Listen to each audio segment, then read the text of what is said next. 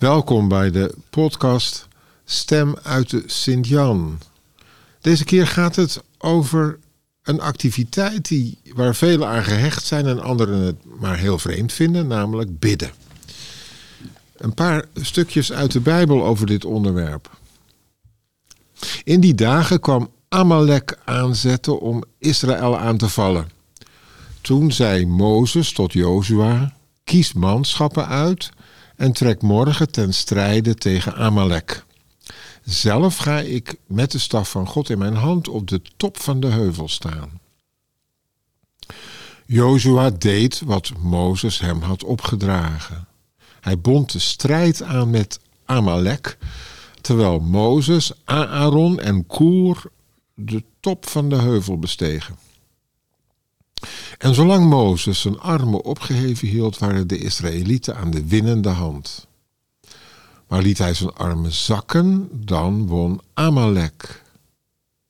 Ten slotte werden Mozes armen moe. Toen haalden ze een steen voor hem waar hij op ging zitten. Aaron en Koer ondersteunden zijn armen, elk aan één kant. Zo bleven zijn armen omhoog geheven tot zonsondergang toe. En Jozua versloeg Amalek en zijn leger met het zwaard. En dan uit het achttiende hoofdstuk van het Lucas-evangelie. In die tijd leerde Jezus in een gelijkenis aan zijn leerlingen dat zij steeds moesten bidden en daarin niet versagen. Hij zei: Er was eens in een zekere stad een rechter die zich om God nog gebod bekommerde. Er was ook een weduwe in de stad die herhaaldelijk bij hem kwam met het verzoek: Verschaf mij recht ten opzichte van mijn tegenstander.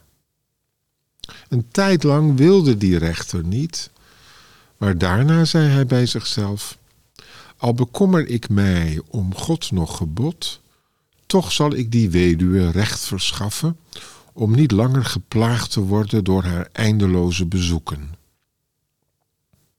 En de Heer sprak: Hoor wat de onrechtvaardige rechter zegt. Zou God dan geen recht verschaffen aan zijn uitverkorenen, die dag en nacht tot hem roepen? Of zal hij ten opzichte van hen onbewogen blijven? Ik zeg u, hij zal hun spoedig recht verschaffen.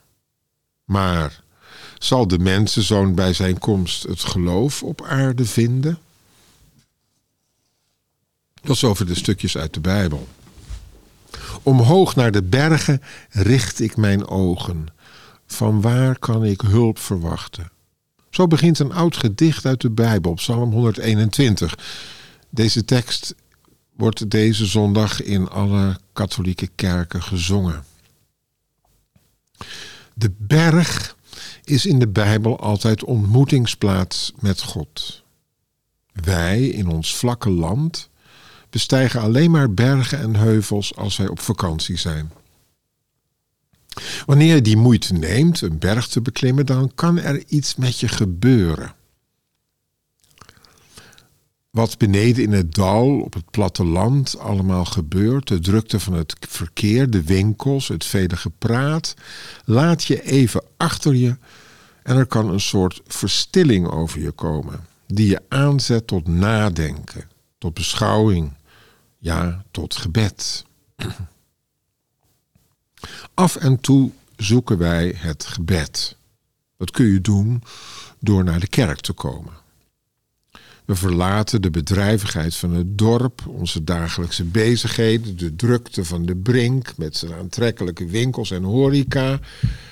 En velen zoeken in de hoge kerk, die ons door zijn wijsheid, haar hoge koepel, wegtrekt uit onze alledaagsheid naar stilte, naar bezinning, naar bidden. Wat zoek je eigenlijk in zo'n kerk? Velen zoeken daar de gemeenschap van de gelovigen, de mensen die hen bekend zijn, het samen zijn, of de zang, of het orgelspel en het gebed. Maar er zijn ook velen, ook katholieken, die zeggen: Nou, ik ga toch maar niet naar de kerk. Ik kan overal wel bidden. Waar heb ik zo'n gebouw nou toch voor nodig? Ik moet niet per se naar de kerk om te bidden. Maar is dat nou wel zo? Komt het ervan in je huis, met alle bezigheden die u en mij opeisen? Mozes, dan al behoorlijk op leeftijd, Mozes bestijgt de berg. Zou het niet veel zinniger zijn geweest om bij het strijdende volk beneden te blijven, waar het volk moest vechten om Amalek van zich af te schudden? Amalek was wel de meest geduchte, gemene vijand die je denken kunt. Het volk van Amalek was eigenlijk helemaal niet moedig of zo. Het volk van Amalek streed niet met open vizier. Ergens anders in de Bijbel lees je dat dit volk vooral de zwakke mensen, de ouderen, de langzamen greep. Laf en gewetenloos.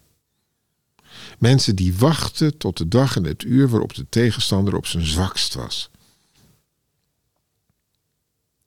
Had de grote leider Mozes niet beter zijn manschappen kunnen aanvuren beneden in het dal?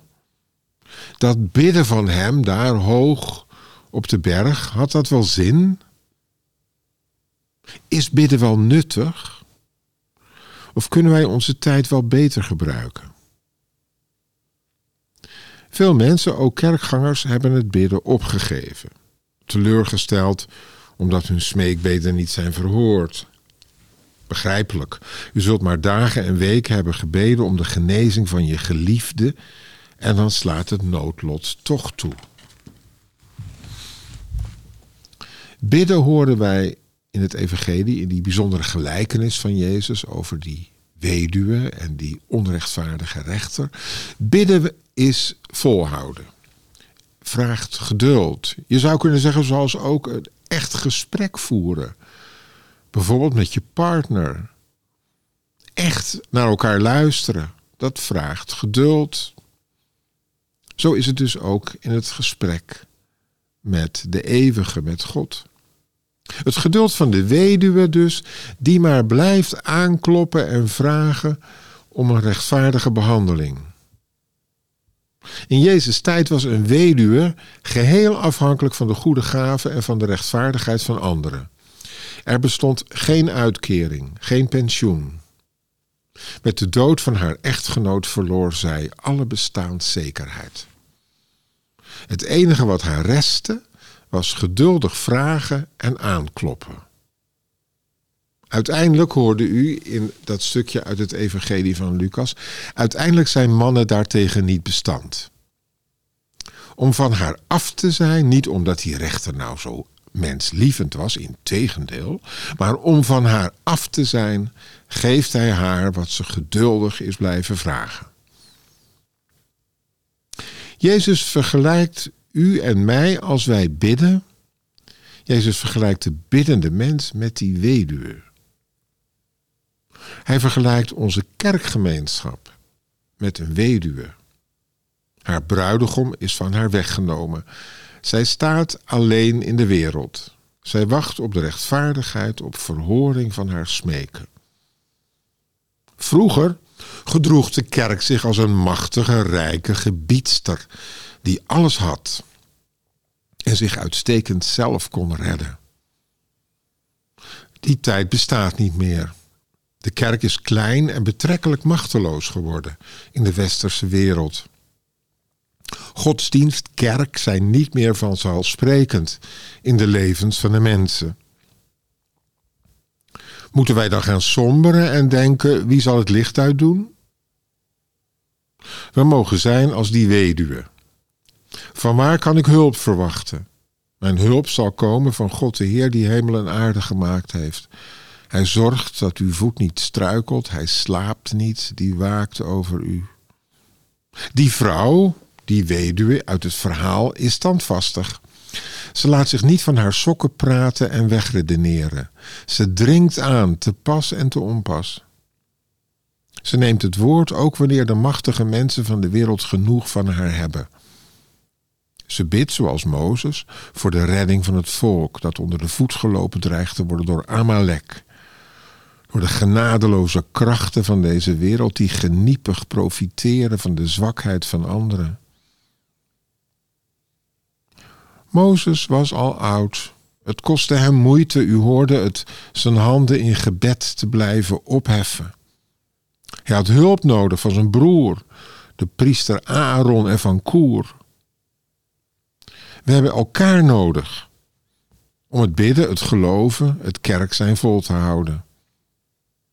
We moeten niet somber worden, ons laten neerdrukken door de rationele mensen die al hebben uitgerekend dat wij geen toekomst meer hebben. We mogen terugkeren naar het hart van de zaak: het bidden en het opkomen voor rechtvaardigheid. Jezus zegt: Aan de mensen die hij heeft uitgekozen zal hij spoedig recht verschaffen. Aan hem zal het niet liggen. Maar wij, waar zijn wij? Zal de mensenzoon, zo luidt de vraag waarmee het evangelie sluit, zal de mensenzoon bij zijn komst het geloof, het vertrouwen op aarde vinden? Laten we daaruit geduldig, vasthoudend, vol hoop leven. Ik wens u allen een mooie dag en een hele goede week toe. Graag tot volgende week bij de podcast Stem uit de Sint-Jan.